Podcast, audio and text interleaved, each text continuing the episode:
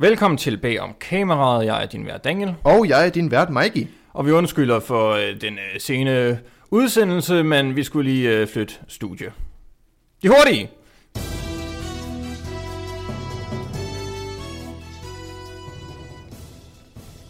Dansk film er det værste, der er sket for muslimers image siden 11. september. Den nye danske film Short er åbnet med stor lovpris i de danske biografer, men det er ikke alle, der er begejstrede for den nye film, der omhandler to betjente, der bliver fanget i en boligblok efter politiet har mishandlet en sort mand, som var anholdt. Filminstruktør Enika Pur fortæller i et interview med Soundvenue, lad os starte rent filmisk. Hvem er hovedkaraktererne? Hvis historie er der udvikling i? Hvis følelser skal vi undersøge? Hvem filmes mest? Her er politimændene entydigt i centrum. Alle brune mennesker i filmen er faktisk bare statister i deres udviklingshistorie. Bag om kameraet spurgte den anerkendte filmteoretiker og forsker David Bordwell om en kommentar. Han finder det forrygt, at filmen har hovedpersoner, og at man følger deres udvikling, så der er nok noget om sagen. Du gætter det aldrig. Fans er sure over ingenting, og studierne tager det alvorligt. Få sensitive fans fik sig en overraskelse i sæson 2, episode 2 af Disney Plus-serien The Mandalorian. I episoden ses karakteren The Child, aka Baby Yoda, aka Q Clickbait, spise nogle frøæg. Du tænker nok, og hvad så? Som du også burde. Det, der har triggeret nogle fans, er, at disse frøæg øh, skal blive til en race senere i Star Wars-historien. Så det har konkluderet, at The Child er i gang med mor, som bliver spillet op som komik. En rundspørg viser også, at 20% af de adspurgte ikke brød sig om The Child nu, mens de resterende 80 enten var ligeglade eller syntes endnu bedre om karakteren. I stedet for at ignorere denne fuldkommen ligegyldige kritik, mente Lucasfilm-chefen Phil Shortstack, at han hellere måtte trække arbejdsbukserne og sætte de 20% på plads. Han udtaler, at, han, øh, at man lærer i kapitel 10 af The Mandalorian, at frøæggene ikke er befrugtet, så det er ligesom når vi spiser hønseæg. Ja, kære lytter. Det er en seriøs forretningsmand, der sidder og forklarer dig, hvordan frømenstruation i Star Wars virker ligesom hønsemenstruation i virkeligheden, i stedet for bare at lukke skuffen. I den kommende Witches-film, baseret på Roald Dahls børnebog, bliver Anne Hathaway i rollen som lederen af en gruppe hekse afbildet med tre fingre på hver hånd, og så var fanden ellers lys i Laksegade. Paraolympikeren Amy Marin tog til Twitter og adspurgte Warner Brothers direkte, Was there much thought given as to how this representation of limb differences would affect the limb difference community? Udover ikke at vide, hvornår man skal bruge affekt og ikke effekt, forklarer hun yderligere i et Instagram-oplæg, hvordan hun frygter, at børn vil se filmen og begynde at frygte deformiteter. Bag om kameraet spurgte en psykolog, om hun mener, at dette kunne blive en realitet. Hun ser uforstående til, at hun ikke kan forestille sig, at nogen kunne blive skræmt af Anna Hathaway, uanset formen. Fortæl mig din etnicitet, og jeg skal give dig penge. Dansk Filminstitut eller DFI vil virkelig gerne høre danske film nomineret til en Oscar. DFI har allerede bedt film, der søger støtte, hvor at registrere, hvor mange af hvert køn, der er med til at producere den pågældende film. Nu har de så udviklet, øh, udvidet dette til også at omhandle etnicitet. En film, der søger støtte for DFI, skal nu yderligere registrere, hvor mange fra forskellige etniciteter, der er med til at producere filmen. Direktør for DFI, Claus Ladegaard, understreger dog, at dette udelukkende er en oplysningsprojekt. Ergo, denne registrering har ingen betydning for at kunne søge om støtte. Ladegaard fortsætter.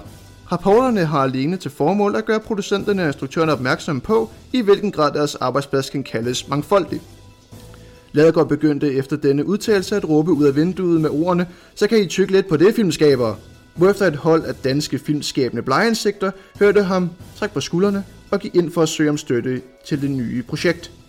Da filmskaberne nåede op til Ladegaard, havde DFI dog allerede trukket øh, tiltaget tilbage. Det var de hurtige med bag om kameraet. Nå, det er godt, at jeg være tilbage. Ja, oven på føleri og nye mikrofoner, og, eller ikke nye mikrofoner har vi vist ikke fået endnu. Skal det? vi have det? Det, det? det troede jeg, men... Nå, ja ja, bevares. Nej, øh, der skete noget rigtig godt for mig her forleden. Jeg fandt en, kender du filmen Dark City? Øh, jeg kender den faktisk ikke personligt, men du har nævnt den flere gange ja, for mig. Det, det, det har jeg, og det er fordi, at øh, den er fantastisk. Men jeg fandt den endelig på Blu-ray Director's Cut, og det skal være Director's Cut, fordi at øh, Theatrical Cut ligesom øh, spoiler twistet i starten, fordi at studierne ikke mente, at øh, publikum kunne følge med ellers. Trist. Ja, så Director's Cut og på Blu-ray. Problemet med det er bare, at den er meget svær at finde på Region 2. Ah, så... Eller Region B, som det jo hedder på Blu-rays. Ja, Og det øh, har været en toårig søgning for at finde den til en nogenlunde fornuftig pris. Jeg har godt kunne finde den til sådan 500 kroner, eller sådan noget. okay. Ja, det, det gør jeg ikke. Men jeg fandt den endelig, og det var også kun brugt, øh, vel at mærke. Jeg, jeg har ikke kunne finde den ny overhovedet. Men mm. jeg fandt den endelig brugt til 90 kroner. Men igen, region logging 1. Nej, nej, det var så, nej, det var så øh, Region 2. For jeg, Fantastisk. for jeg kunne godt finde en Region 2, som der så kostede de der 500 kroner, som også var brugt. Ja, okay, okay, okay, okay. Og altså, jeg kan godt lide den, men så meget kan jeg sgu heller ikke lide den. altså til at betale 500 kroner for... Ja, lige, lige præcis. Ja, klart. Og så sidder man jo og spørger sig selv, hvorfor er der stadigvæk regionskodning? Ja, og der kan være faktisk nogen, der sidder derude, som tænker, hvad fanden er regionskodning, fordi man kun køber europæiske DVD'er. Øh, I så fald sidder Ja, bare og til- eller bare har, har streaming, altså. Ja, ellers, ja, det er jo endnu mere det, vi skal sådan over med i dag. Øh, det er en fin lille anekdote, faktisk, der Ja. sådan egentlig beskriver meget godt, hvad vi gerne vil sætte fokus på i dag. Fordi så, når, der, når den ikke er på streaming nemlig, Ja, så er den eneste mulighed jo for helvede at købe den eller downloade den illegalt. ja det er de to muligheder, du har lige nu. Ja. Øh, jeg tror også, at, at det er sådan et, et stort problem for sådan øh, specielle typer som os, der sådan er glade for sådan filmpreservering og filmsamling generelt. Sådan at Ja, jeg vil gerne have dem på hylden. Ja, samme her. Øh, Og det gør helt klart også, at man, øh, man har det problem med at skulle ud og lede efter ting. Og som du selv nævner, altså en ting er at købe en, en, en Blu-ray, en DVD, øh, der kommer ud sådan i en world release. Det er nemt, det er lige til, det Ja. kan gøres. Men når man har de her sådan, releases, der kun kommer ud i et specifikt land, eller en specifik area code, så står man bare med et, et helt andet problem. Ja, eller måske ikke er så populær, så den er svær at finde. Ja, altså det er tit de der underground film, der sådan ikke får den store release, øh, eller sådan indie stages, der aldrig rigtig får sådan en stor øh, bravo ud for... Ja, jeg ved ikke, om jeg vil kalde Dark City sådan virkelig underground. Uh, du har set sætsene før, i hvert fald fra filmen, fordi de blev genbrugt i uh, The Matrix. Ja, øh, så i hvert fald, der, der har man jo stemmer langt øh, med, hvad man har kendskab til. Ja, og vi gik jo så lidt ned i historien, fordi hvorfor er regionkoder overhovedet en ting i det hele taget? Ja, fordi at, øh, når man sidder i, i sådan en moderne kontekst, så er man jo også bare sådan, hvor fanden, hvor fanden har vi egentlig det? Altså, vi er jo vant til streaming, DVD over det hele, Blu-rays over det hele. Sådan, det er så nemt at anskaffe sig en film i dag. Ja, ja, og filmen bliver udgivet øh, med dags mellemrum worldwide. Ja, det var det snakker vi om for eksempel med Tenet, der, altså, der, der kom ud kort tid efter, den har været i biografen. Altså, det viser, hvor nemt det er at få fat i sådan fysiske kopier af ting. Ja.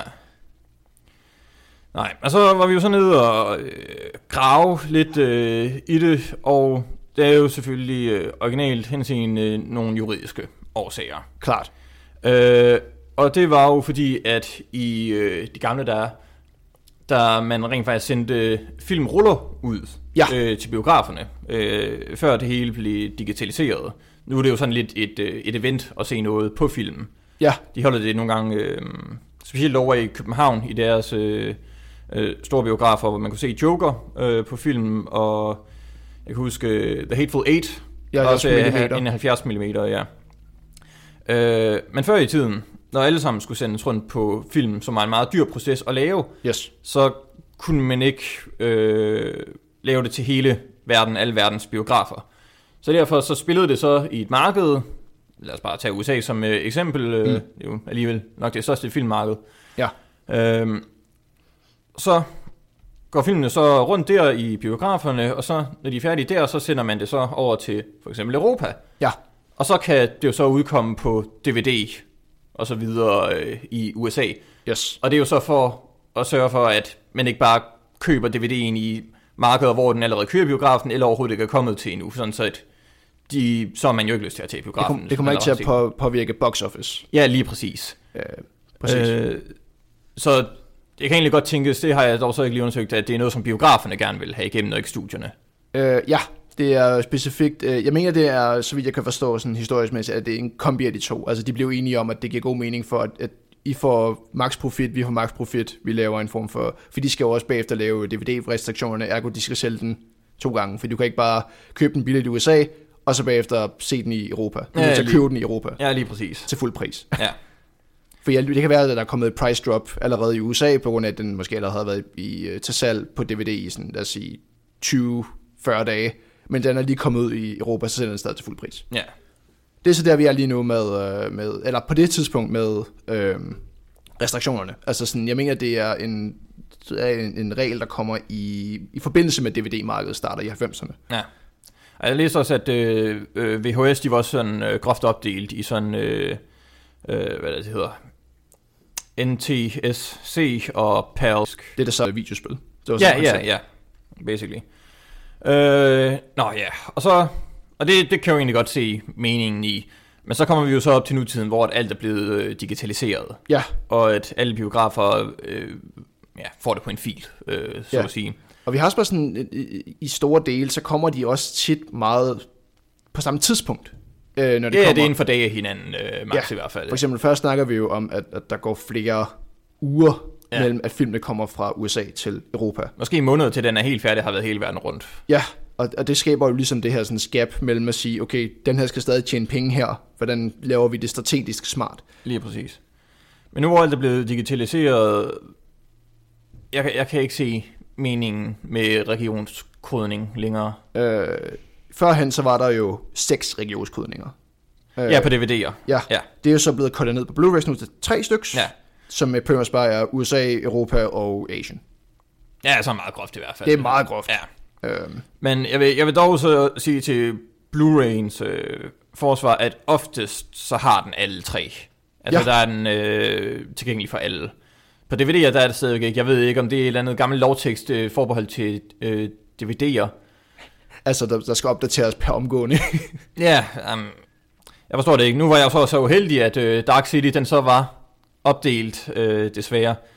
Nå. Øh, så med lidt held, så inden for øh, næste årrække, så er det fuldstændig udfaset med regioner. For altså, vi ser det allerede lidt ske med, med Blu-rays. ja, de fjernede hvad, halvdelen af de region codings, vi har, og bare sagde, det, det, det er ikke relevant at snakke om mere. Altså, Ja. sådan, de har jo, det er jo egentlig lidt en protest mod at have de her, sådan, den her for- forfærdelige opdeling. Altså, hvis man bare kigger på tidligere region logging på DVD'er, det er sådan noget...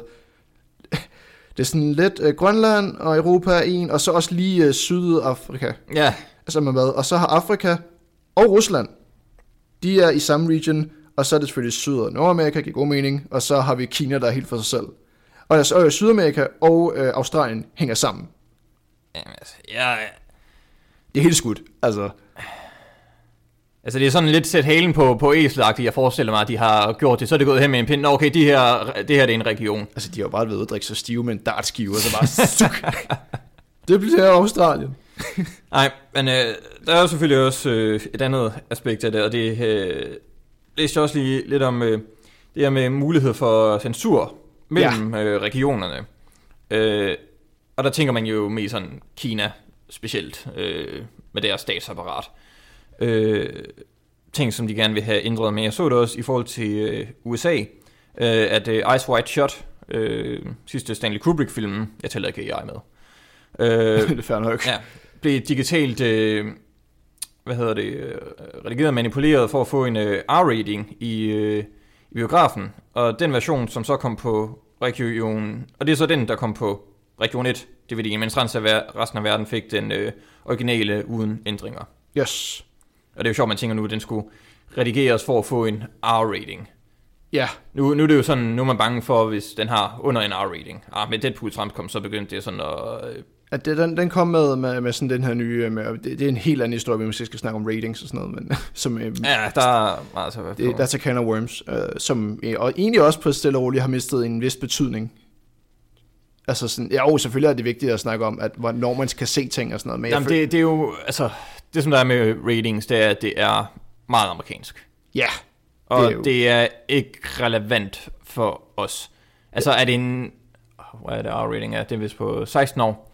ja, Øh, altså, mener også. en 15-årig over i USA kunne ikke tage ind og se Deadpool uden at have en forælder med. Det, det, er ikke, det er mærkeligt at tænke på. Øh, vi har Altså, jo, de har sgu set det, der er værre på internettet. ja, det er ikke engang løgn. Jamen altså, Altså, man kan også godt mærke den lidt mere nonchalant følelse i Danmark. Sådan, vi har alle 7, 11, 15, sådan. ja, ja, og, og alle dem, det er jo også kun bare retningslinjer. Ja, ja, Man kan sagtens gå ind og tage ind og se en hvilken som helst film. det var også det der, den typiske britiske, ved jeg ikke, den parental guidance is advised. Altså, det er bare sådan, der kommer noget her, du måske skal forklare det barn. Jamen, det- altså, amerikanerne, de er bare så... Ja, De er jo meget poetansk anlagt, ja, øh, når Ja. det kommer til det, og børn er små øh, klumper af uskyldighed. Og så kommer de der og bliver formet af filmene, selvom al forskning stort set har modvist det. Mm. Nej, det kan vi dykke ned i mere en, øh, en anden gang. Ja, øh, helt klart. Altså, man kan jo så spørge i forhold til DVD'er, øh, navnligt før i tiden med alle de streaming, altså kunne man ikke bare anskaffe sig en multiregion afspiller? Ja, det har jeg blandt andet. ja, ja, og altså, øh, kan du, øh, fordi det skulle lige før, det godt kan betale sig, fordi de er, de er tænkt på dyre. Ja, det er det. De er sådan sindssygt dyre. Øh, Ja, og så ja. hvis du skal have en Blu-ray-afspiller, som er regionsfri. Det er endnu værre med Blu-ray-spillerne. Jeg har kun DVD uh, region free. Ja. Øh, eller den, har- den kan afspille af region coding. Øh, Ja, ja. Og jeg har også overvejet det mange gange, fordi der er mange film, som ja, enten nogle DVD'er, som kun kan fås over i, øh, i USA, ja. øh, og Region 1-kodning, og eller de er meget billigere der. ja.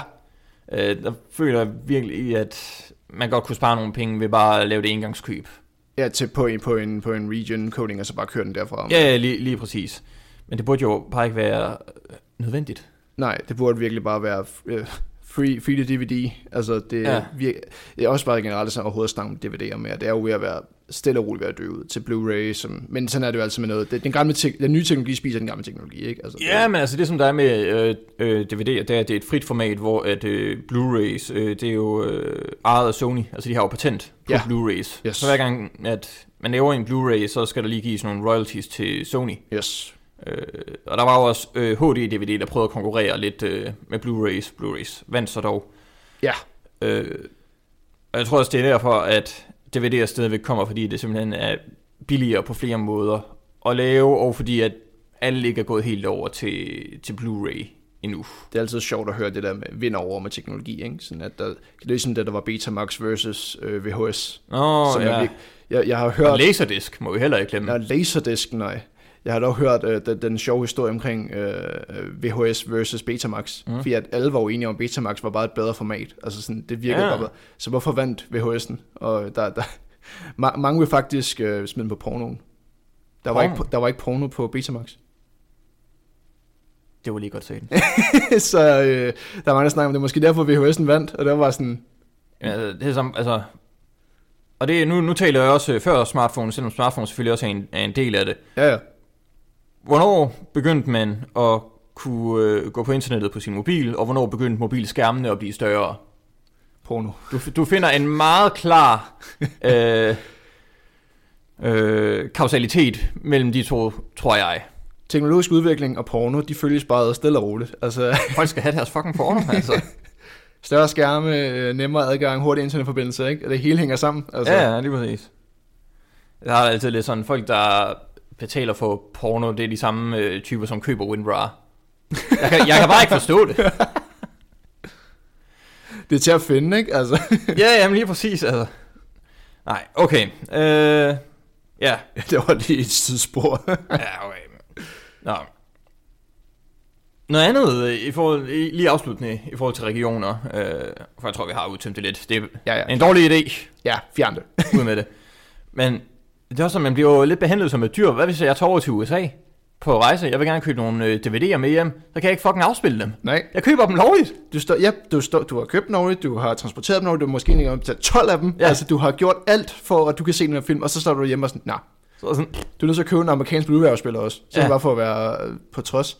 Men igen, så jeg købte den der Region Free, øh, fordi at, øh, jeg har meget gammel, nu skal jeg lige op, hvad de fandt de forskellige hedder. Jeg har øh, den asiatiske meget, også den japanske. Der er et par Mm. stykker, hvor jeg også har købt af den, øh, hvor det er ligesom det eneste, der kan spille det, den form for DVD-afspiller. Ja. Ja. Det meste, jeg bruger den til, er også amerikansk, klart. Mm. Mm. Altså, det er de to mest brugte, tror jeg. Men du er en af dem, der ser meget... skal en eller anden afrikansk film. Ikke, ikke så ofte. Det burde jeg måske, who knows. Ja, det ved jeg sgu heller ikke. Det kan være, at vi kommer, kommer på det en eller anden dag. Ja. Går i afrikansk cinema mode. Det findes. Ja, ja. Hvad skulle du give for din, øh, den DVD-afspiller? Ja, øhm, det her, man skal passe på, at man siger højt, ikke? Jeg har fået en, jeg havde en god ven, Ja. der øh, kan finde ud af at fix på PC'er. Lad os sige det på den måde. Fix på PC'er. Ja, så jeg har fået lavet en gammel computer om, til at den kan har et diskdrev, der kan læse forskellige læsere. Okay. At det er meget avanceret. Det kostede mig fandme... Jeg tror, det kostede, sig- det kostede mig lidt, lidt under, men cirka det samme som sådan en. Det koster jo... Hvad fanden koster sådan en i dag? 3... En regionfri øh, En regionfri DVD-afspiller. DVD-afspiller. Bare sådan cirka. Det må gerne være, det burde bare til mindste prisen, bare så jeg har en idé om, om, jeg, Ja, ja, ja. om jeg er blevet fummet. Uh, da, da, da. Hvorfor kan man ikke sige uh, sådan noget lort? Anywho. Men ja. at det ligger jo på, øh, jeg tror det ligger 3-4. Øh, nej, ikke mere. Jeg tror faktisk, det er kommet under det nu. Ja, der er en her til, øh, til 280 kroner. ja øh, jeg tror også, jeg fik Før i tiden har det altså været dyrere, det vil jeg Ja. gerne lige understrege. Altså, jeg tror, jeg... Nu sidder vi her okay under 300 kroner. Ja, ja, okay, men igen, jeg tror også, det er blevet mere inden at finde sådan en nu jo. Altså, der, der er jo kommet det her kæmpe boom fra Asian af, hvor alle er begyndt at se ting fra, ja, fra Asian af. Er alle, alle begyndt på det, Mikey? Det er det da. Har, har du ikke lagt... Jeg tror, alle er begyndt at købe Disney Plus og HBO og Netflix. Nå ja, det er selvfølgelig, altså det er jo det, er jo det primære, man tænker sådan nogle weird typer, ikke? Altså, Okay. inklusiv mig selv. Det er Ja, ja, okay. Nej, men ja, det var det, som vi havde at sige om regionens kodning. det. Yes. Så opsummeret noget juridisk bøvl, der kan give god mening i fortiden og er fuldkommen irrelevant nu. Stop det helst. Tak. Ja. Det er en venlig opfordring. Nå, så kan jeg se, du, du har...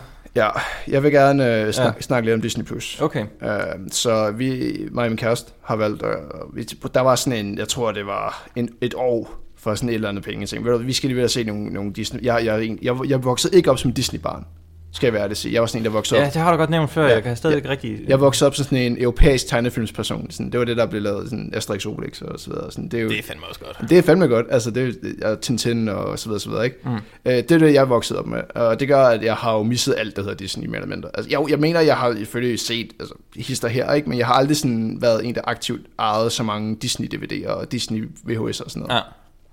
Det har altså været sådan noget, øh, ja igen, enten europæisk, eller det der bootleg-version af, af du ved, øh, de Disney-filmene, ikke? Ja. Sådan noget øh, Pinocchio, eller eller andet fra Tyskland, mm. øh, lavet af en weird-ass distributor. Anywho. Ja. Øh, men jeg sad jo lige sådan og, og kiggede igennem deres katalog. Mm. Øh, for jeg tænkte, "Nå, men nu har jeg set nogle af de ting, jeg gerne vil se, og sådan nogle af de store film, nogle, jeg har faktisk ikke fået set Fantasia, nu den glæder mig til at se. Mm. Øh, og sådan nogle ting, altså sådan, det vil jeg gerne se. Så det tænkte vi, vi kører sgu lige et år, vi kører, lad os se, hvad der ellers er. Ja. Kører igennem deres katalog, buh, buh, kører igennem, og tænker jeg bare, Disney har jo købt 20th Century Fox. Det har jeg. Hvorfor fanden ligger der ikke 20th Century Fox film på Disney+. Plus? Um, Jeg har nogle, selvfølgelig nogle, nogle gæt længere nede i min rant, hvorfor det er altså, sådan. der er... Nogle film gør jo. Ja, de øh, X-Men-film og sådan noget ja. der, deroppe, fordi de skal ligge sammen med Marvel-film, ikke? Uh, Øh, ja, hvad det, de kalder det nu? Marvel Legacy. ja, ja. The Marvel Legacy. Ja. De har ikke lagt Daredevil op. Nå, med Ben Affleck. Ja, ja, ja. Nå, nej, det Det er måske en god grund går til. går vist nok. Ja. Men jeg forstår simpelthen ikke, at, at, at du står med en... Um, med, med sådan et så stort brand, altså 20th Fox, der er ikke, 20th Fox i hvert fald, der har eksisteret ja. så længe, og har så mange sådan storfilm stående bag sig. Mm. Hvorfor i alverden man ikke bare lægger det ud, fordi hvis du har jo rettighederne i store tilfælde. Det er selvfølgelig en af de her sådan, øh, små nicher ting, som man kan snakke om. Det er der med, at de vil jo gerne have 100% profit. Ja, ja. Problemet er jo lidt, at hvis der er en second øh, director eller second studio på, så skal de have en del af royaltiesne. Mm. Ergo, hvis du spiller det på Disney+, Plus, så skal de have en del bidder af kagen, og der er Disney jo bare sådan, vi er out. ja. Øh, men jeg tænker for eksempel sådan noget som Alien. Er den ikke 100% 20th Century Fox? Eller er der Lucasfilm ind over det? Nej, det er vist kun Fox.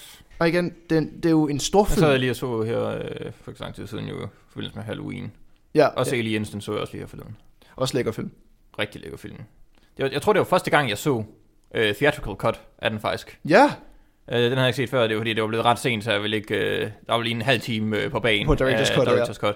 Øh, men jeg kunne virkelig bare, det er også en film, jeg har set øh, så mange gange, så jeg kunne sådan sidde og pinpoint, okay, her er der mangler den her scene, her er der mangler den her scene, den her scene var lige lidt længere, øh, og jeg, jeg synes, det var en bedre film.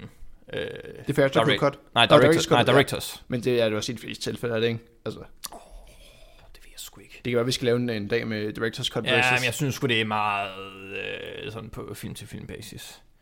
Nå, men ja, de har ikke en hel masse lort i hvert fald derinde. Øh, jeg har lavet en lille liste over ting, der kunne være med for os. Okay, Bare ja. for at få lige sådan, hvad I misser ud på. Yes. Uh, Miracle on uh, 34th Street, mm. uh, Butch Cassidy and the Sundance Kid, mm. Lincoln, Alien, Ford vs. Ferrari, The Martian, Bridge of Spies, Hidden Figures, alt muligt. Altså sådan, uh, The Thin Red Line, også dem. Ja. Og du kan sikkert finde endnu, altså du, Ja. ja. du faktisk, eller film, der i hvert fald har fået god omtale, som Ja. du egentlig viser ud på, på grund af, at de ikke bare lige lægger det ud. Øh, Et andet gæt for mig er, det er jo, at de har valgt at sige sådan, jamen det er jo, det er jo sådan børnekanalen, ikke? Det er PG-13, vi kan ikke have noget, der er over. Ja, de har sgu da Logan derinde, har de ikke? Det ved jeg faktisk ikke. Jeg kan godt lige tjekke. Altså, for jeg ved faktisk ikke, om de har lukket Jeg tror, de har lukket den liggende. Jo, Plus, altså, altså, de have. det er jo, det er jo en af sådan Marvel Legacy, right? Ja, ja. Men den er, den er, den er R-rated, ikke sandt?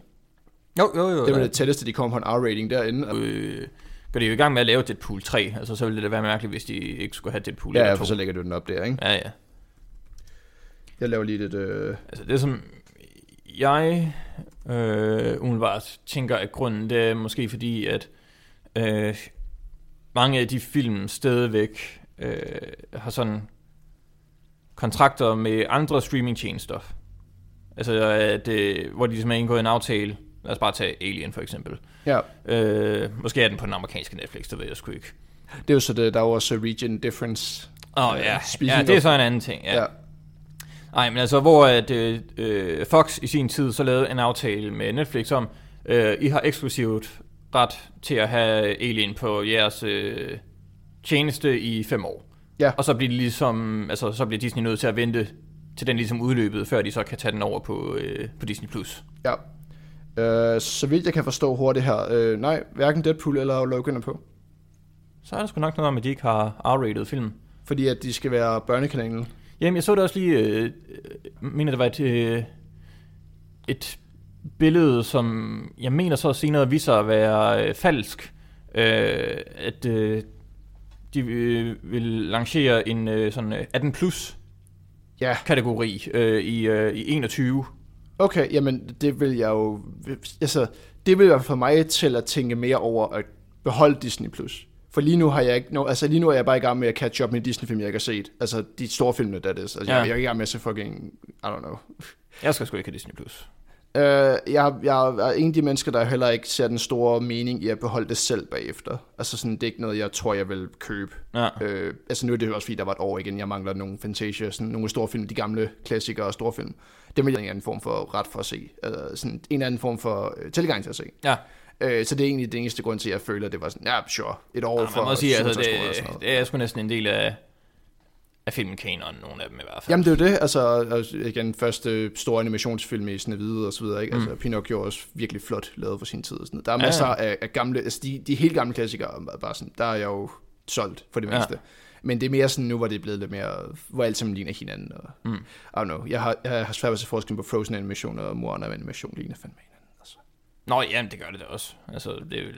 Jeg ved godt, det pilier, men altså, det, der, det mister bare en af form for, en af form for charme, synes jeg. Når man ikke ser sådan, den, den rigtige håndestreg, eller sådan, Ja, altså det tager jo lidt... Øh, det tager jo lidt kar- karakteristikken øh, ud af det, fordi det kommer til at ligne hinanden øh, meget. Altså der er selvfølgelig, hvordan man øh, designer karaktererne, ja, og sådan man... Jeg er klar over, at det var noget andet, da de lavede Zootopia for eksempel, der er det sådan nogle dyr. Okay, fair nok, det ligner ikke de mennesker, de har lavet, giver god mening. Altså, der er jo en eller anden...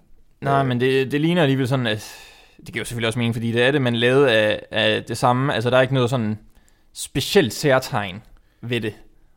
Jeg føler også, det var mest derfor, de gerne ville købe Pixar, right? Det er så de fik altså adgang til deres graphic engine, der bare laver sådan noget der. Altså, Åh, ja. Det, for ja, hvis du kigger på gamle Pixar-film, de ligner jo det, der er en af Disney-film nu. Altså, det er jo bare en gammel, det er jo bare en gammel graphic engine, de er bare proppet. Kan du Ja, ikke ja. lave Moana i det her? Super, ikke? Altså, det tager jo en brøkdel af tiden i forhold til at tegne det. Men jeg Ja. tror helt klart, at det er også det, man kan mærke håndelavet i sådan en gammel tegnefilm. Det er sådan der, hvor Mm. man virkelig kan se. Der er en, der sat sig ned og lagt de der tusind timer i at bare sidde. er en hel masse øh, overarbejdende, underernærede øh, japanere og koreanere. Specielt koreanere. Ja, virkelig. Øh, ja. Men det der min rant sådan mere eller mindre slutter med det, for jeg forstår simpelthen ikke, altså, øh, hvorfor de ikke enten er sådan lidt mere humble og siger, fuck det der med licenser. Lad prøve at give dem nu bare lidt penge til de her små studier. Altså det er jo ikke, i, nogle, i meget få tilfælde føler jeg, at det store studie, de skal betale ekstra til. Ja, altså hvis ikke det er noget juridisk øh, i forhold til nogle kontrakter, der skal udløbe, altså også i, for, i forlængelse af, at de heller ikke har sådan noget som øh, Logan og, og Deadpool-filmene. Det vil jeg lige hurtigt, sådan det er hurtigt research det her, hvor sådan, det, Ja, ja, ja, det er forkert, men Men altså, Bevares. hvis det er tilfældet, altså som må de jo lave, så er det jo, som du siger, fordi det skal sådan appellere mere til, til børn. I Så, så, fald, må de jo skulle lave en 18 plus på et eller andet tidspunkt, ellers så er det jo et kæmpe segment, som de bare skrotter af. Altså, og plus, som, som sagt, med 20th Century Fox Legacy, altså hvor gammelt det er, og hvor mange film, der er produceret, der er virkelig meget at hente. Altså, for, Ja, ja, for, for, for, for sådan nogle, som der er lidt i, ældre i det. Ja. Ikke fordi, at man ikke må sidde og se tegnefilm som voksen, det, det bestemmer man sgu selv. Men, Selvfølgelig må man det. altså, Det bør man også. men det er bare sådan, konceptet er bare, at, at, at sådan, det er vil være, igen, det er et kæmpe stort marked, du mister. Bare ja. at lave det her børnekanal. Men i hvert fald, altså, det er jo nemt at lave. Du har set, hvor Netflix har et børnefilter. Altså, det, er jo, Ja, ja. det er nemt at producere. Tror jeg, ved- går jeg stærkt ud fra. Det er jo bare at sortere, Mm. altså lave en væg, og så sige, okay, børne, Men det her, det er inden for skiven, det her det er uden for skiven. der, er- der er skiven igen, ikke? Ja. Alien, Ja, den skal sgu ind på børnekanalen, du. De skal sidde og hygge sig med det. Men det er min lille rant til Disney, og jeg håber, at de øh, lytter med, hvilket de nok ikke gør. ja. Så de kan ligesom kan sætte sig lidt sammen. Nå, øh, jeg sad her for ikke så lang tid siden og så øh, Charlie's Angels, Ja, den nye. Nå, jeg skulle til at sige, den er så hyggelig nogle gange. Altså, den, jeg synes, den første Charles Chance har en vis charme. De har, øh, ja, for det første har den Sam Rockwell, øh, det er jo så det. som på sædvanlig vis er det bedste i enhver film, han er med i. Ja. Øh, men det er jo fordi, at jeg havde, man havde jo hørt så meget om den. Vi bragte også en øh, nyhed omkring den i det hurtige i, i sin tid med nogle af Elizabeth Banks øh, udtalelser Ja, øh, omkring filmen. Og jeg sad og så den sammen med min storebror sådan en eftermiddag. Fordi det var sgu ikke noget, vi ville ofre en aften på i hvert fald. Øh, fordi nu skulle vi have noget af det her øh, girl power. Vi regnede med, at den ville sådan være virkelig politisk. Øh, ja, ja, ja, ja. ja. på den front, sådan nymoderne øh, feminisme. Øh, og vi havde før blevet skuffet af Birds of Prey, nemlig. Ja, som jeg også havde fået ved, at den skulle være vildt sådan catering mod at være sådan girl power. Ja, og øh, jo, der var da nogle elementer af det, men først og fremmest så var det egentlig bare en kedelig, dårlig skrevet film. Øh, så der blev vi lidt skuffet, fordi vi havde regnet med, at vi sådan skulle sidde... Med øh, hånden med fisten op og Ja, sidde- ja, lige præcis. Øh, men så så vi så Charlie's Angels, og øh, et minut inde i filmen, så hvis vi havde ramt en guldmine simpelthen. Okay, det, er det sådan en line? Er det en, øh, et, et ord? Ja. Eller? ja, okay. Jeg har skrevet et, øh, et længere indlæg om det, øh, faktisk. Jeg glæder mig. Som er... Ja, vi går i gang. Øh, cue den sædvanlige underlægningsmusik.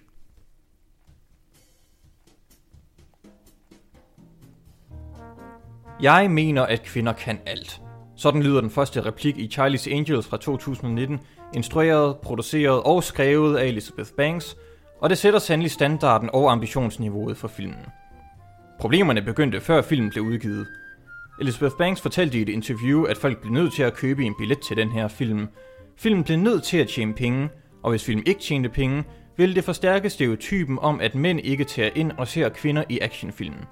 Hun sagde yderligere, at ja, folk tager ind og ser film som Captain Marvel og Wonder Woman, men det er jo kvinder, der optræder i en mandegenre, i modsætning til den alt overskyggende østrogene dominans, som man finder i actiongenren må forstås. Således er filmen allerede sat op som en politisk sag for Banks, i stedet for at fokusere på at være en god film. Inden jeg besluttede mig for ikke at se filmen, før den blev tilgængelig på streaming, en beslutning, der ikke tog lang tid, så jeg traileren. Den starter ligesom filmen med replikken, Jeg mener, at kvinder kan alt. Hvorefter et slæsk asiatisk mandesvin siger, bare fordi de kan, betyder ikke, at de skal. Du kan godt selv høre det, kan du ikke lytte? Jeg har aldrig tænkt over, hvordan det føles for de gæster bliver tvangsfodret med en trakt for at lave for gras, men nu har jeg haft en lignende oplevelse, og jeg må sige, det er ikke rart. Groft sagt er alle mændene i denne film nogle misogene idioter, og alle kvinder er drupper af perfekthed, som ikke begår fejl, selv når de gør det.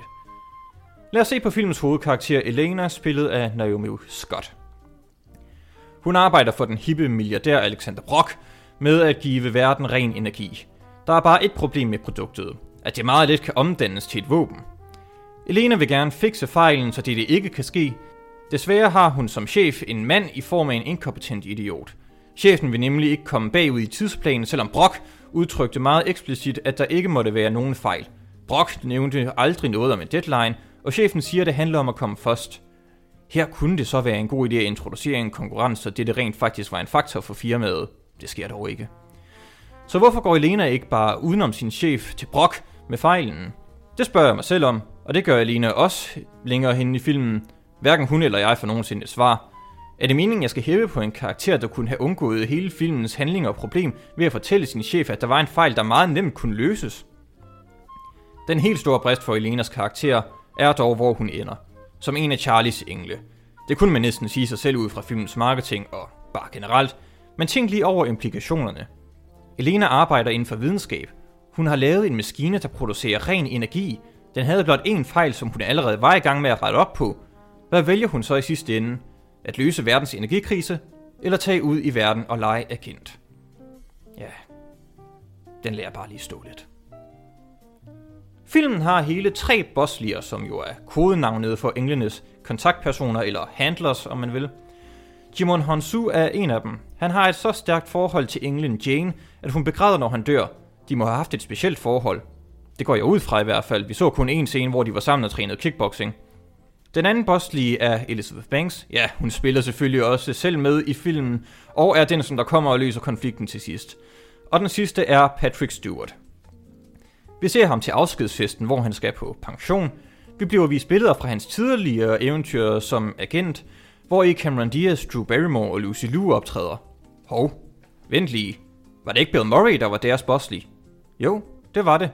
Det var først her, det slog mig, at filmen ikke er et reboot eller remake, men en fortsættelse til de forrige film og tv-serien. Hvordan Bill Murray blev en brite fortæller filmen ikke noget om, men jeg mener efterhånden, det vil være for meget for filmen at forklare.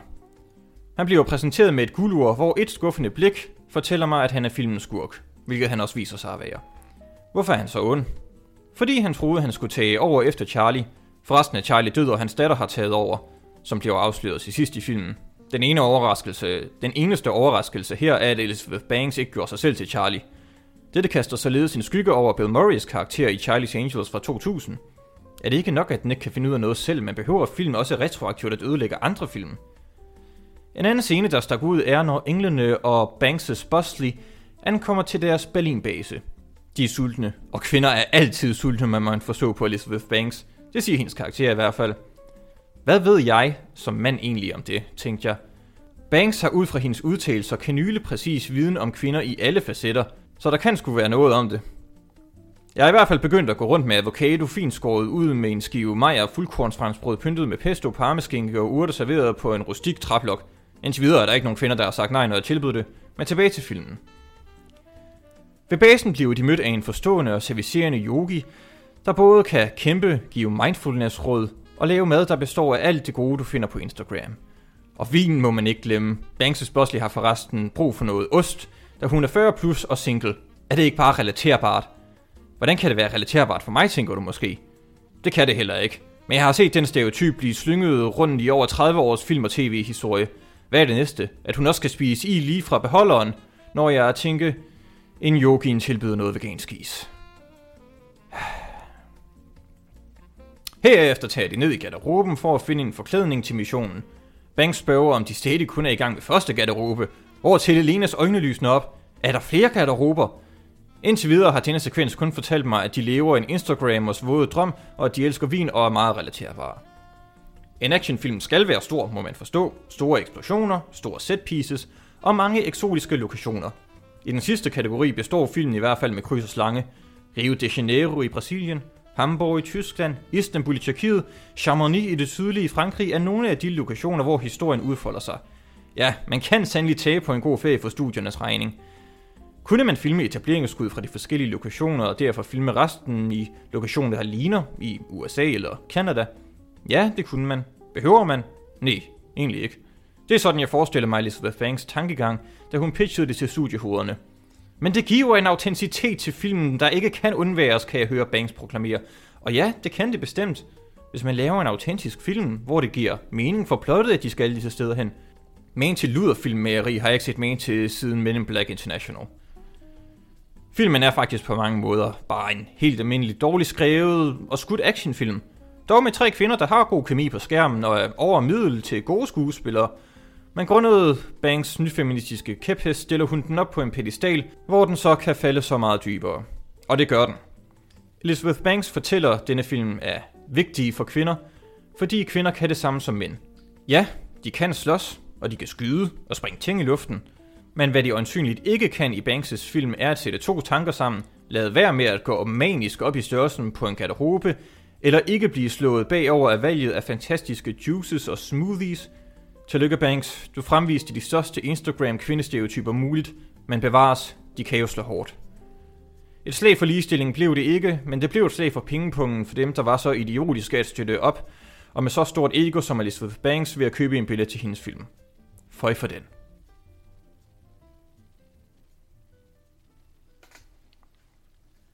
Så sidder man tilbage. Øhm, du, du nævnte lige Birds of Prey før, Ja. øh, og nu har du så også nævnt Charles Angels, Ja, det har og, jeg. og også, øh, du nævnte lige Hurtig Men in Black International Ja. øh, med den. Ah, Øhm, det er sjovt, fordi at, at jeg føler øh, personligt, og det er jo en, det, vi skal snakke meget om personligt, altså, der er altid noget subjektivitet i, når vi går ind og, hvad vil vi gerne ind og se, hvad vil vi gerne Ja, ja, opleve sådan noget. Og jeg tror i mit tilfælde, øh, alt der har noget med nye franchise at gøre, jeg har egentlig givet lidt op på det. Det er meget få ting, jeg føler, jeg har været ind, igen, jeg havde det med Star Wars, jeg havde det med alt muligt, jeg har, jeg jeg har har, sådan en revitalisering af gamle franchises. ja, jeg forstår det ikke. Jeg forstår virkelig, altså, jeg, jeg tror det er fordi, at jeg føler, at jeg får sådan serveret den samme tallerken igen, ofte. Ja Og det er også, øhm, der er selvfølgelig også noget, noget rart i. Altså ligesom jeg ser også Back to the Future mindst en gang om året. Ikke? Altså det er også den samme tallerken, jeg spiser, men det er ligesom at spise risalemang til jul. Altså sådan, det gør man bare, det smager godt, det er dejligt. Det er noget, man skal gøre, det er tradition. Det, der er alt muligt i det. Altså at se, gense en film, man er glad for. Men, men det der med at, at skulle købe en billet til, hvad der i bund og grund er den samme film på den samme tallerken. Ja. Det, det, det, det, det ser jeg mig sgu ikke. Altså, jeg, jeg har, og det er ikke, og der, du kan sidde og se det ud som lytter, du kan tænke over, hvad du vil. Jeg har hverken set Birds of Prey, Men in Black International, øh, nu har vi også Charlie's Angels. Men in Black International øh, er faktisk værd at se med det formål at vise, øh, hvor meget de kan fuck en film op. Jamen, jeg, jeg, var, jeg var inde og læse øh, om den bagefter, altså øh, Tessa Thompson og øh, Chris Hemsworth, øh, ja. som har øh, i to hovedroller, havde sådan manuskriptdoktor ude på sættet for at omskrive deres øh, sådan dialog på dagen. Shit. De prøvede at bakke ud af filmen, men de kunne ikke. Instruktøren prøvede at bakke ud af filmen, men kunne ikke. Der er ingen, der havde lyst til at lave den her film, og det skinner bare igennem på en måde, jeg ikke har set nogensinde. Men igen, det viser jo også det her med, at, at øh, kontraktmennesker og, du ved, sådan corporate øh, storhed, sådan, hvor, hvor der er en, der bare siger, igen, når der kommer en instruktør, to skuespillere, og højst sandsynligt flere fra crewet, der siger, det her er en synkende skud, så skal du jo bare trække ud. Nej, men jeg, jeg, tror seriøst, det der er sket, det er sådan, altså, der blev besluttet, der skal laves en ny Men in Black Yes. øh, film. Nu er der gået nogle år siden, øh, træerne, den klarer sig, øh, klarer sig rimelig godt. Ja, det har jeg også husket, den gjorde. Ja. øh, og så er ligesom gået i gang, og et manuskript blev, blev bikset sammen på, på en eller anden måde. Og så er den ligesom bare kørt, og så tror jeg bare, at det var for sent, at folk begyndte at stille spørgsmål, inden de, de bare var i gang, og nu ville det sådan, nu ville det koste flere penge at lukke det hele ned, end Ja. at sådan lave den, lave den færdig. Og det er også derfor International, fordi der er så mange gange, hvor øh, ligesom i Charlie's Angels, hvor de bare er henne øh, et sted, en by, et land, øh, i fem minutter eller sådan noget, for at få støtte fra det land. Klart, Øh, filmstøtten, ja. Ja, lige, lige præcis. Så jeg, jeg tror simpelthen, at filmen har formet sig om det, da de først øh, indså, at det her, det her det kommer ikke til at fungere. Nu prøver vi bare at få så mange penge ind igennem, øh, hvad hedder det, sådan offshore øh, øh, finansiering også. Klart. Og jeg tænker også, sådan, dem, der har egentlig har været offshore, har jo egentlig bare tænkt, åh, oh, Men in Black, storfilm, fedt mand. Penge Ja, ja. det. ja, altså det giver god mening. Jeg vil sagtens sætte mig ind i, Ja, hvorfor. hvor er det, de var? Øh, Dubai eller Marrakesh eller sådan noget. Øh, jeg, jeg, kan, jeg kan huske alt for meget af den film faktisk, I taget betragtning, hvor dårligt den er. i forhold til, hvad, hvad, hvad der er værd at bruge tankekapacitet på. Er den. Men jeg kan godt huske, uh, speaking of Charlie's Angels, uh, da vi snakkede om den, og da den ligesom kom med den her, sådan, uh, jeg føler virkelig, at det er blevet et statement for mange filmskabere, at de ligesom skal være, nu kommer den næste feministiske uh, sådan, take på actiongenren. Uh, jeg føler virkelig, at der er mange, der prøver at lave det her uh, feministiske action, og der er også nogen, der har lykkes med det. Jeg kan forstå, at Atomic Blonde er en fed actionfilm med en kvindelig hovedrolle. Ja, men Øh. øh. problemet er bare, hvis det er det, der er dit udgangspunkt, i stedet for at fortælle en god historie, så bliver det bare aldrig en god film. Ja. Øh, jeg tror, der, der er sådan en, en god pointe i at sige, at, sådan, at gode karakterer, det lyder, det lyder også noget at sige på en måde, men, men de er sådan kønsløse. Altså sådan, de, de virker jo bare. Altså hvis. Ja. du har en, en karakter, der er deadbeat, har ikke noget arbejde og sådan noget, så, så skal ud og lave Altså det der med, at du kan, du kan nemt skrive en karakter, og så sætte et køn på det. Altså sådan, Ja, Det er der, hvor at, at du ikke skal begynde at tænke i, at det skal være en kvinde, eller det skal være en mand, eller det skal være Ja, en... ja, altså selvfølgelig, hvis du laver noget med øh, sådan, øh, historie. Klart, så kører- Øh, altså, et eller andet drama sat Lincoln, i... er et Ja. Lincoln for eksempel, eller sådan noget. Altså, så, jo, så skal det selvfølgelig øh, være en mand. Og det er også fint nok, hvis man vil undersøge øh, kvinderolle, øh, hvad hedder det, i samfundet i en anden form. Altså, det er også fint nok, men der er forskel på det, og så på at gøre det, som Charlie's Angels gør, hvor de kommer ud og siger, at den her, den er så vigtig for kvinder og sådan, altså, hvor de netop sætter det op på den her øh, pedestal, Ja. hvor de andre, de prøver at lave en god film. Ja, ja, præcis. Og jeg tror, det er sådan også samme problem, der skete med, øh, jeg kunne forstå, Mulan, der nye, har samme koncept med, at hun er lidt sådan perfekt, og Nå, det er kvinden versus manden og sådan noget. Ikke? At, jeg kan forstå, at, at, at der er en, der lavet en rigtig fed analyse af det, som jeg er meget enig i. Mm. Um, de snakker meget om, at øh, og det kan lyde ned, nedværende, men samtidig, fordi sådan, det er sådan lidt brains over brawn. Altså det, det er mænd, der gør til det, sådan, de prøver at bruge fist til at løse problemet, mens Mulan Ja. er sådan lidt, lad os prøve at fikse det med, for eksempel så prøver de at bryde ind i kejserens, øh, hvad hedder det, palads, med Ja. sådan at smadre døren, mens Mulan siger, hvorfor kravler du ikke på overvæggen? Og Ja, ja, det er det sådan, samme i tegneserien, Jamen, tegnefilmen. film, ja, præcis. Jamen, det er også øh, det er tegnefilm, jeg snakker om nu. Nå, okay, jeg tror, du mente den nye. Ja, jamen, overhovedet ikke. Nå, okay. Ja, men, altså, men her har de for eksempel også en, hvor hun ikke kan løse de her sådan, mandeopgaver i militæret. Sådan, men hun er ikke lige så stærk som mændene, fordi at hun er... Vi har sådan yeah. med fysik, og så kan hun ikke løfte de der vandting og sådan noget. Ja. Mens her, så gør hun det bare i Mulan. Altså, så viser hun bare lige, jeg går lige op, at jeg kan slå jer alle sammen. Nå, okay. Ja. Hvor at, øh, at det var fedt her, at, at det hun viste, hun kunne i tegnefilmen, det var jo ligesom, at hun kunne være bedre. Altså, fordi hun er sådan noget, vi skal op og hive den der pil, Ja. og alle mændene prøver bare. Men hun siger bare, så laver det der... Øh, Ja, hun laver den der levine der, og... fordi at det, igen, Brains over Braun, hun Ja. viste, at, at det er ikke kun styrke, der skal bruges for at vinde en kamp. Ja, jeg, jeg synes, det er meget interessant, øh, dem som prøver sådan at vise, at... Øh, øh, for det er, det er altid, kvinder kan det samme som mænd. Ja. Det er aldrig, kvinder kan ting anderledes, og derigennem måske også bedre, men det er altid, de kan det samme. Ja, Fordi hvor- hvorfor er det, at hver gang man, øh, at instruktører og øh, ja, også mange journalister siger sådan, øh, det, den her film viser virkelig, at øh, kvinder skal noget, og så er det altid i de typiske manderoller, altså sådan actionstjernerne, mm. som jo er en typisk manderolle, det kan man ikke rigtig komme udenom. altså vi ser alle film fra 70, 80, 90, så ser du bare mænd i actionfilm. Altså sådan, det, det er en stereotypisk mandrolle. Ja, ja, og så er der karakterer som Sarah Connor i Terminator 2 og Ripley i Aliens, Yes. som der bare går så meget længere over mange af de øh, typiske action manderoller og ja, specielt øh, de nye her. Fordi jeg ved ikke, det, man sidder bare nogle gange lidt med en følelse, øh, når man ser nogle af de her nyere film, der prøver at skubbe det her narrativ, om at de laver det, fordi de gerne vil skubbe det her narrativ.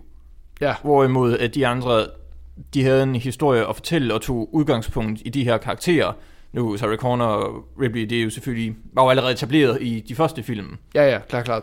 Øh, men hvor de jo stadigvæk overlevede, altså kom igennem strabasserne. Du har jo snakket Alien Aliens her. Hun er jo en, en, en fantastisk karakter i Aliens, Ripley. Ja. Ja. Altså, hun er bare godt skrevet, og hun virker så fedt i sin kontekst. Men igen, Og hun virker kompetent. Ja, fordi hun, hun bare er skrevet ind i en rolle, der handler om, vi skal nakke nogle aliens. Igen det der, hvor, ligesom min kæreste også ville sige, det er, at du skal bare tænke kønsløst. Det er lige meget, om det var en mand ja. eller en kvinde, der skød de her aliens ned.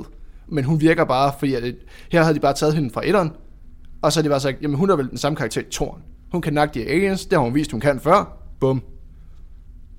Det, det, du har ikke brug for mere etablering. Det er virkelig ikke, altså, det har ikke noget med hendes køn at gøre, hun er sej. Hun er Nej. bare sej. Ja. Ligesom at hvis han, hun havde været en mand, så havde hun været lige så sej. Ja.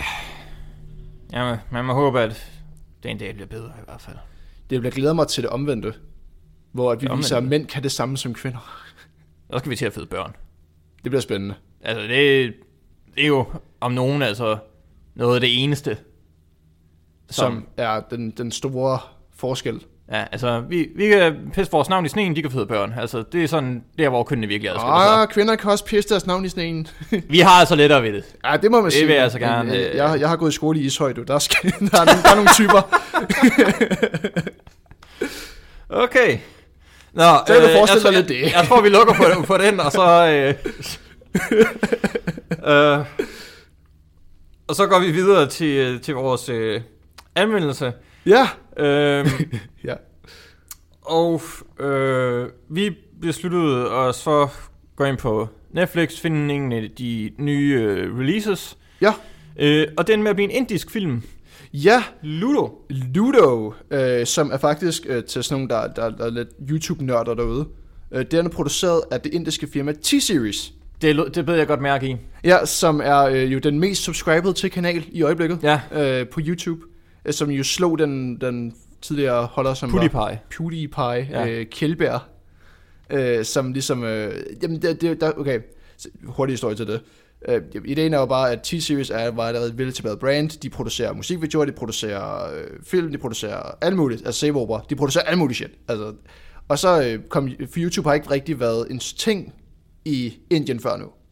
Mm. Altså sådan, og det, det, det marked åbnede, så var de Ja, sådan det er hvad er det, det er alle, som der laver en YouTube-kanal i YouTube, de bliver automatisk øh, Mere abonnenter på øh, T-Series. Det var det var som meget kritikken gik på. Ja, men det gav god mening, fordi at det første... Øh, ideen var, I starten var det bare, at de kom ind jo på deres YouTube-kanal, de her øh, indiske, det indiske marked, og så så de jo bare sådan, om hvad fanden skal vi subscribe til? Om der er nogen, der snakker indisk, bum, subscribe, ikke? Altså, og så gik det stærkt, fordi T-Series bare producerede så meget, og det var allerede vel brand i Indien inden da.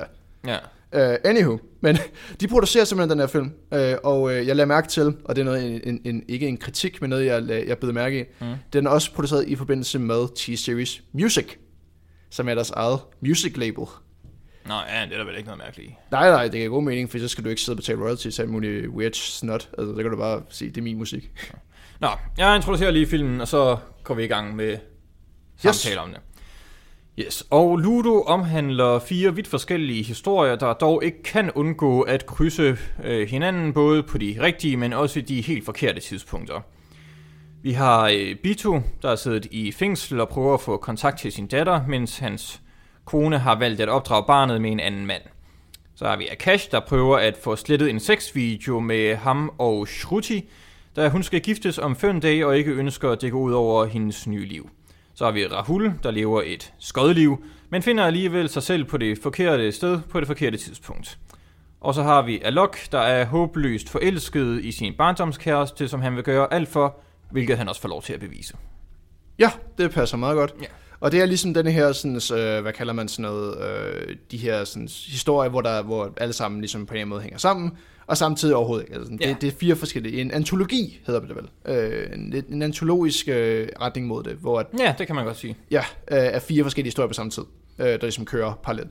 Ja, øh, og vi starter ligesom med at få dem alle sammen introduceret, fordi der er sådan det første knudepunkt, hvor vi mødes, og vi ser dem alle sammen ankomme øh, til det her sted, og så får vi så lige et flashback for hver af dem, hvordan de havnet der. Det går først til sådan 40 minutter næsten. Ja, med introduktion. Øh, på, øh, hvilket jeg faktisk meget godt kunne lide, at vi ligesom bliver introduceret til alle karaktererne, og så er det ellers bare Ragnarok øh, derefter. Ja, ja, helt klart. Øh, Jeg føler også selv, at der var lidt for meget introduktion, sådan jeg følte hurtigt, at, at det var sådan et, nå, okay, I get it. Sådan, at, Ja. at der var sådan, at jeg tror, okay, så de har sådan en, en, en, en bindingsmekanisme, kalder jeg det, sådan, det der gør, at vi er sådan, sådan, okay, hvem følger vi nu og sådan noget. Mm. De har sådan øh, to karakterer, der spiller Ludo, derfor filmen Ludo, ja. øh, som ligesom siger, jamen, det er den her karakter. Ja, han det, gør det, det, det, her, fortæller. Ja, de har nogle fortællerrolle, der er sådan to øh, indere, der var siddet og spille Ludo øh, og hygger sig med det. Øh, jeg kunne ikke lade være med at sådan, øh, jeg tror mig og min kæreste lagde mærke til det også, sådan, at, at vi kunne ikke lade være med at sammenligne med det syvende sejl. Sådan, det er sådan det modsatte af det. Nå, Jamen, jamen, det sidder de jo og spiller skak med ja, han døden. spiller en chak med døden. Ja. Øh, Ja. øh, hvad den hedder. An- Antonius? Antonius, ja. Ja, Antonius. Øh, hvilket vi, vi synes, det var meget fascinerende at lave den sammenligning med, at Ja, det er det modsatte, for i skak er det meget mere med strategi og taktik, mens Ludo er meget mere tilfældigt, det er terningkast. Ja. Og det er ligesom også det, at, at filmene sådan meget står over for hinanden på en eller anden måde. ja det har lidt sådan øh, øh, livets foranderlighed som, som tema. Ja, Øh, og det, det kunne jeg faktisk rigtig godt lide. Jeg, jeg synes ikke, at, øh, at det var for meget med de der... Øh, jeg synes ikke, at introduktionerne var for lange. Mm. Øh, for jeg kunne meget let se sådan hver af dem faktisk blive til sin egen film, de her historier. ja, helt klart. Øh, men jeg synes, at det går op i en øh, ny enhed og giver også øh, meget god komisk effekt nogle gange, når, når, Ja. når de så øh, krydser hinanden, øh, de her historier. Ja. Øh, og det kunne jeg rigtig godt lide. Altså for eksempel har vi sådan noget med, at der er nogen, der flygter, men samtidig er der en af de andre karakterers bil, der blokerer for nogle skurke. Sådan noget. Sådan, det er vildt fedt sådan, skruet sammen på den måde, altså, hvor de siger, okay, hvordan kan vi så stoppe denne her sådan, øh, konflikt? Det kan vi gøre med andre karakterer, vi allerede kender. Hvis jeg vil sige, ah, det er de karakterer, vi kender, der er sådan noget konflikten. Ja, de røvrender måske øh, hinanden, og så senere i øh, filmen, øh, og de er jo på hver deres mission, så de tænker jo ikke over de andre. Så lige pludselig, var det ikke dig, der, øh, Ja, ja, der, der gjorde det der? Øh, og det synes jeg helt klart er det, der sådan hiver filmen op. Altså sådan, den, den har nu en helt vild fed production value. Altså man kan virkelig ja. Mærke, at de har lagt penge i det her. Øh, det skulle ikke klart være deres næste store film. Altså, Ja, og der var nogle gange, øh, når, når filmen Skurk, som er sådan den eneste, der går igennem alle deres øh, historier, Ja. hver gang han er med, jeg synes bare, det var fantastisk. Han var den bedste. Øh, jeg lavede mærke til sådan, øh, hvad skal man kalde det, sådan en sjov lille easter egg, eller sådan fed symbolik, synes jeg selv. Ja, Øh, han har en halskæde ja men øh, Ludo... Øh, med en ludoterning, Ja, ja. som ligesom er hans måde at sige, at han styrer sin egen skæbne, ikke? Altså Ja. ja. han har skæbne i, på sig, øh, fordi de andre, du spiller ludo, ligesom at terningen bestemmer, men han har sin egen terning, ikke? Han Ja. ja. bestemmer over sin egen skæbne. Fordi ideen er, at, øh, øh, det er ikke så meget en spoiler med sådan, men uh, han kommer ud for nogle rimelig vilde ting, ham skurken, og, og han bliver ved med at, sådan, at overleve det, men Ja. ja. det giver god mening, fordi han er, han, de bliver med at sige, de der sådan, fortæller sådan, at han er ikke færdig med sin historie endnu, han skal, Ja, mere, ja. der skal mere, der skal mere øh, med ham, fordi at han, øh, han kører bare sit eget show.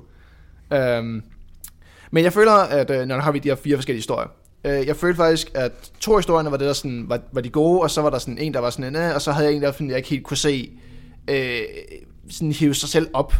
ja. Ja. Øh, vi har det her sådan plot med øh, ham, der har et, et dårligt liv, Ra- Raoul. ja Rahul. Rahul, ja.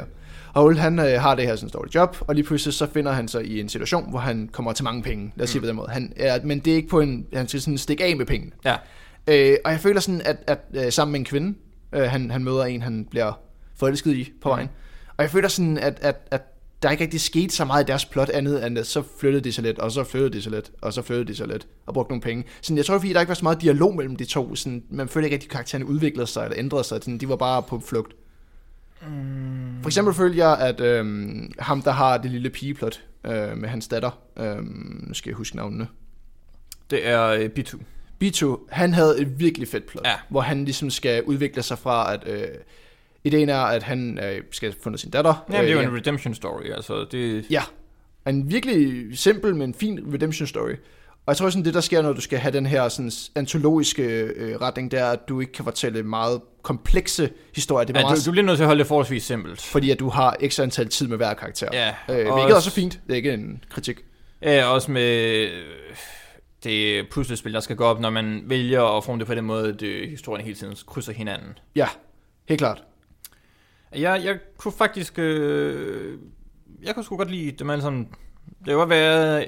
Ja, uh, ja, Rahul er måske... Ej, jeg synes faktisk, den der med Alok, der er Holy Swedish gamle, jeg synes nok, at det er den svageste af dem. Han men, er også min, øh, sådan, han er den der sådan ish-historie. Ja, men den måde, at øh, han spiller på, og de, de klip, der kommer der, altså, der, der kunne jeg sgu bare ikke lade være med at synes godt om ham, og, og derfor også... Øh, Ja, den Jamen, historie, jeg har det på synes samme det var måde. Jeg tror, at, at det, er sådan, det er den der Bollywoodske stil, altså sådan, det er bare humor, Ja. ja. er bare sådan lidt, lidt øh, sådan spillet på musik og dans og sådan noget, og han, lad os sige, at når han øh, bliver trist, øh, hvad, undskyld, hvad, hvad fanden var navnet igen der? Det er, øh, jeg er virkelig dårlig til navnet der. Øh, Alok. Alok, ja. Når Han, han, han bliver, kaldt et eller andet af, af hende, kan jeg sgu ikke huske. når, når han bliver trist, begynder han at danse sådan øh, Ja. ja. vildt akavet, og det, Ja. er sådan, det er vildt fedt. Altså, sådan, der, der var jeg også bare sådan, det er det, bare bliver solgt i ham.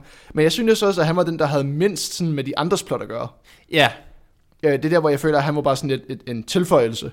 Øh, til, og der var jo selvfølgelig, øh, der på hospitalet, der spillede han jo en okay essentiel Ja. Fordi han skal Øh. få skurken til at øh, ligesom, øh, stikke af, kan man sige. Nej, han er dog for, for at redde øh, en anden, og så tager Ja. skurken bare øh, med, fordi nu ser han sit snit, sit snit til at øh, komme ud. Og igen, det er der, hvor karaktererne på en fed måde ligesom, altså, interagerer med andres historier. Ja, lige, lige præcis. Og jeg elsker også øh, musikken. Ja. Specielt øh, sådan en rigtig Bollywood-stil. Der bare blev spillet sådan, hver gang tingene øh, blev, blev akavet, og bare det ren kaos. Jeg synes bare, det gik op i en højere enhed. Jeg var så fornøjet over den film. Ja. Jeg tror helt klart også, at hvis man er, til sådan, hvis man er en, der sådan elsker sådan Bollywood øh, cinema, og sådan synes, at det er bare at shoppen, så tror jeg virkelig, man bliver glad for den der. For den, har en, den, den ved, hvad den er. Altså, den er ikke i tvivl om, den skal ikke prøve at være noget højere eller bedre. Den skal bare være en sjov action Bollywood-film. Altså, og det, det gør den Ja. Lige ud. Og jeg skal også øh, en, øh, en bikarakter, som der også optræder mange af historierne, politibetjenten.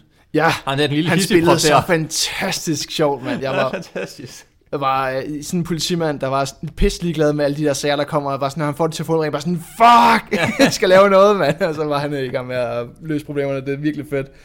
Øh, men he- helt klart, øh, jeg føler også, at, at, at klippemæssigt, øh, de har sådan nogle mærkelige comic book panels, med, når der er flere karakterer og sådan noget, altså, hvor, hvor de prøver sådan noget med, øh, så der er noget i toppen, og så er der noget i siden, og så er der sådan noget fra venstre side af, der kommer ind og sådan noget. Ja. Jeg, I don't know, jeg fik sådan en mærkelig, øh, hvad skal man kalde sådan en stil, sådan Big Lebowski Suicide Squad øh, klippestil. Ja, ja. Øh, for eksempel også noget med, på et tidspunkt, så, så I løber hvert fald der ved introduktionerne, der er der Ja. rigtig meget. Suicide Squad over det sådan, med, Ja, det er jo sådan for, så får det være sådan baggrund af en farve, det er så det en ludobrik. de er i De er spillet. i spillet, ja. Ja.